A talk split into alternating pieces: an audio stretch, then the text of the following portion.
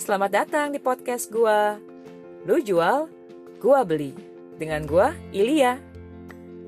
Memasuki hari ke-16 dari tantangan hashtag 30 hari bersuara yang digagas oleh thepodcasters.id.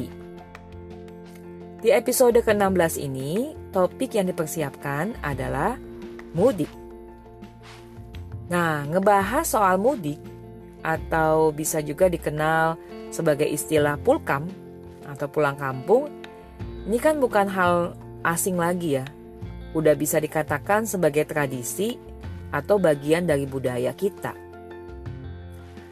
Nah, mudik ini sebenarnya kalau dilihat terjadi karena adanya urbanisasi uh, atau program transmigrasi.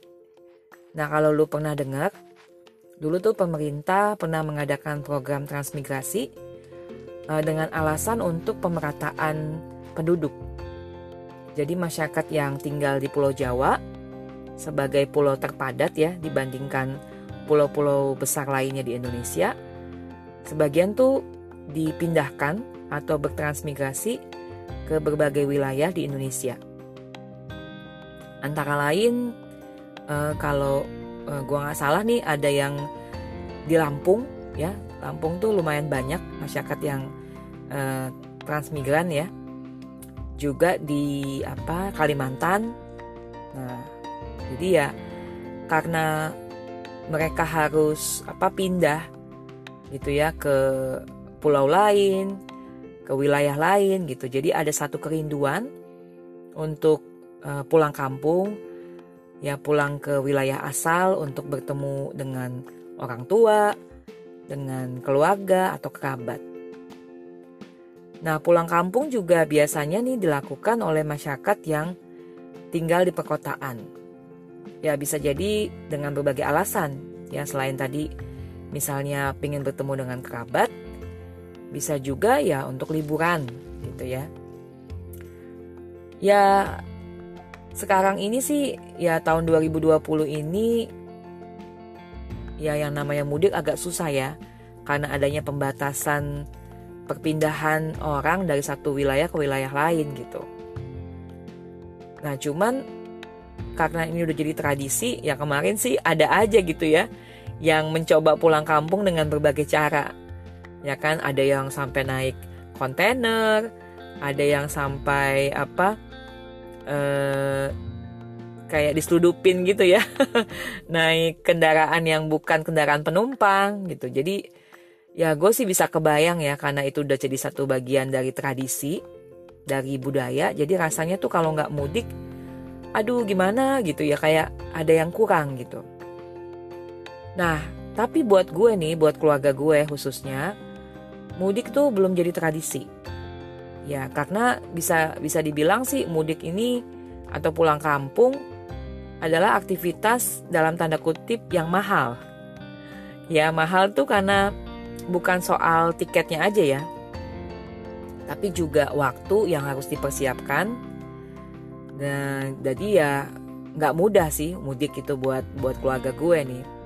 Terutama waktu dulu ya, waktu yang namanya apa transportasi itu ya pilihan transportasi tuh nggak semudah seperti sekarang Nah sekarang kan naik pesawat tuh misalnya udah ada uh, tiket murah gitu ya. Kalau dulu mudik ke kampung gue, ya gue nih asalnya dari uh, Sumatera Utara, tepatnya kota kelahiran orang tua gue nih di Pematang Siantar. Jadi ya uh, kalau mudik ke sana tuh kita biasanya naik kapal laut atau bus antar kota Nah ini kalau naik kapal laut atau naik bus kurang lebih sih waktunya sama ya. Sekitar tiga hari dua malam. Nah belum lagi kalau namanya apa namanya perjalanan pulang kampung tuh ya banyak keseruan lah gitu ya. Kadang bisa jadi tuh uh, adventurous gitu ya. Karena gini, gue pernah ngalamin nih waktu gue kecil pulang kampung naik kapal laut Gue ingat waktu itu pulang kampung naik kapal laut pas lagi liburan sekolah. Nah jadi karena waktu itu kapal laut nih satu-satunya uh, istilahnya apa ya opsi untuk pulang uh, kampung ke wilayah Sumatera gitu ya orang-orang yang tinggal di Pulau Jawa ya pulang ke Sumatera tuh sebagian besar tuh lebih memilih naik kapal laut pertama lebih ya lebih nyaman sih ya dibanding naik uh, bus antar kota gitu. Jadi waktu itu gue inget uh, tiket pesawat eh, sorry tiket kapal lautnya tuh udah sold out. Ya udah habis gitu. Tapi uh, waktu itu karena memang musim liburan ya musim uh, libur sekolah gitu. Jadi uh, selain tiket yang normal ternyata juga gue baru tahu ada yang namanya tiket deck gitu ya. Jadi uh, ini kita nggak dapat kamar atau nggak di deck yang apa ya yang udah dipersiapkan gitu ya. Tapi tuh uh, jadi ada calo juga nih yang jualan tiket gitu. Nah waktu itu gue inget karena nggak ada tempat jadi tuh gue sekeluarga uh, nyempil nih ya di satu apa uh, tempat gitu ya di di kapal itu ada jadi tangga gitu di bawah tangga Nah itu ada space kecil banget gitu. Nah itu waktu tahun berapa ya? Tahun 80-an lah. Nah space-nya kecil banget. Nah itu kita uh, gue, nyokap gue, bokap gue, sama adik gue, kita berempat tuh ya. Jadi kita tuh nyempil-nyempil ya. Kalau gue inget tuh waktu itu tidurnya aja ganti-gantian. Karena kita tuh udah kayak, aduh kalau gue inget udah dempet-dempetan sama orang lain gitu ya. Karena ya itulah gara-gara apa uh, tiketnya juga uh, udah langka waktu itu jadi ada calo yang jualan kayak gitu gitu. Kebayang ya tiga hari dua malam itu ya mau dibilang tidur juga nggak nyaman gitu ya. Terus juga uh, kalau makan nih di kapal laut biasanya kan ada catering. Nah tapi karena kita bisa dikatakan bukan penumpang resmi gitu ya. Jadi ya dapat makanannya tuh kayak dijatah gitu. Satu hari cuma dapat makan dua kali. Nah itu juga porsinya nggak untuk empat orang gitu cuman untuk dua orang jadi harus dibagi-bagi. Nah jadi ya kita ngesiasatin sih dengan bawa makanan sendiri gitu ya. Atau ya jajan juga di atas kapal. Nah itu tuh yang menarik kalau perjalanan dengan kapal laut uh, yang seru sih waktu apa ya kalau kita tuh misalnya kapal laut uh, berdiri di atas deck gitu ya bisa lihat lautan yang luas. Nah itu uh, pengalaman yang seru lah buat gue. Nah lain lagi kalau naik uh, bus antar kota. Nah ini gue pernah juga nih punya pengalaman nih mudik dengan bus antar kota. Waktu itu apa ya kan biasanya males nih kalau lagi naik bus tuh mandi. Pertama ribet juga kalau misalnya busnya berhenti di satu restoran kan itu uh, waktu break gitu ya. Untuk makan untuk apa uh, sholat mungkin untuk mandi gitu. Jadi biasanya uh, waktunya juga nggak lama. Nah penumpang tuh bakal turun dari bus masing-masing terus bawa perlengkapannya. Jadi butuh waktu. Belum lagi kalau misalnya di restoran itu juga ada penumpang bus yang lain jadi harus ngantri kan mandinya gitu nah gue tuh males tuh yang kayak gitu. Jadi ya pernah nih kejadian gue pulang kampung naik bus antar kota. Gue inget nih nama busnya tuh ya PMH nah e, harusnya tuh ada AC-nya tuh tapi karena katanya sih rusak mesinnya kadang-kadang sih mereka emang sengaja tuh matiin tuh ya. Kebayang tuh kan bus yang harusnya bus ber AC tapi dibikin bus yang apa nggak ada AC-nya gitu yang akhirnya e, buka ada cupnya di atas gitu atau ada jendela daruratnya. Nah jadi ya uh, anginnya dari situ gitu ya tapi panas lah. Nah jadi waktu itu gue karena malas mandi gitu ya udah deh gitu uh, badan tuh gerah banget gitu. Tapi pas uh, hari terakhir nih uh, waktu itu udah mau ya mungkin tinggal beberapa jam lagi gitu ya nyampe di uh, stasiun uh, terminal terakhir gitu. Nah gue rasa pengen mandi lah gitu. Nah akhirnya nih busnya berhenti nih di satu restoran. Gue inget tuh restorannya. Uh, di restoran itu berhenti eh, nggak uh, lama gitu. Nah terus gue nyari nih buat kamar mandinya gitu. Ternyata tuh kamar mandinya itu jadi dia ada sungai uh, yang disekatin gitu ya pakai triplek. Nah itu tuh jadi kamar mandi. Nah tapi karena gue udah ngerasa gerah banget yaudah deh gue mandi gitu gue inget tuh waktu itu uh, sore lah gitu ya sore. Nah gue sih emang dalam kondisi itu gue nggak mandi yang istilah bugil gitu enggak ya. Uh, jadi gue juga uh, jaga-jaga gitu. Jadi ya udah setengah setengah setengah apa ya setengah bugil kali ya. Iya gitu jadi mandi gitu lagi asik-asik mandi. Ternyata tuh uh, triplek pembatasnya itu. Jadi ada pembatas antara yang untuk penumpang yang laki dan penumpang perempuan tuh ada batasnya. Lagi asik-asik mandi nah tripleknya tuh roboh gitu ya. Dan gue tuh kaget banget aduh. Untungnya eh, nggak uh, ada yang lihat gitu ya. Semoga sih nggak ada yang lihat ya. Karena waktu itu gue uh, kaget banget dan terus terang tuh bikin gue trauma tuh untuk mandi di apa di eh, WC umum atau di kamar mandi umum gitu. Nah jadi tuh ya gitu deh suka dukanya gitu ya. Kadang juga kalau naik bus nih kan waktu makannya tuh jadi bergeser ya. Karena kan misalnya nih harusnya makan siang tapi karena mungkin ya perjalanannya macet gitu kan jadi busnya tuh uh, bakal sampai lebih lama tuh di restoran yang dituju untuk makan siang. Ya akhirnya jadi makan malam gitu kan. Nah ya karena udah lapar nih udah lapar. Wah pas lagi di restoran gue tuh langsung uh, turun duluan nih.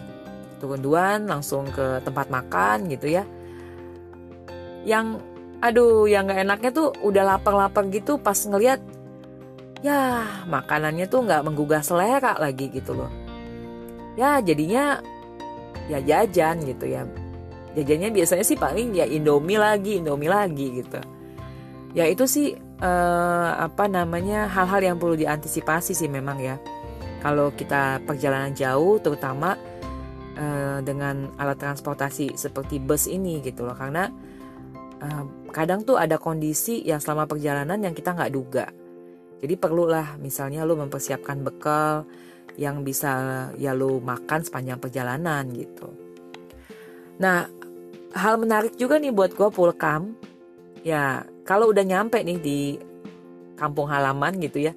Biasanya tuh keluarga gue tuh seneng lah gitu. Dan mereka tuh ada yang beberapa keluarga besar itu ya yang ngundang. Ayo dong e, kalian ke rumah kalian kan udah lama nggak nggak datang udah lama pulang gitu misalnya biasanya tuh kita pasti diajak makan gitu nah tapi ada juga yang berpikir bahwa kita tuh yang dari yang pulang kampung gitu ya e, pasti banyak duitnya nih gitu karena kan eh, orang-orang di kampung tuh biasanya mikir kalau kita kita yang merantau udah sukses gitu. Kalau pulang tuh artinya kita udah sukses.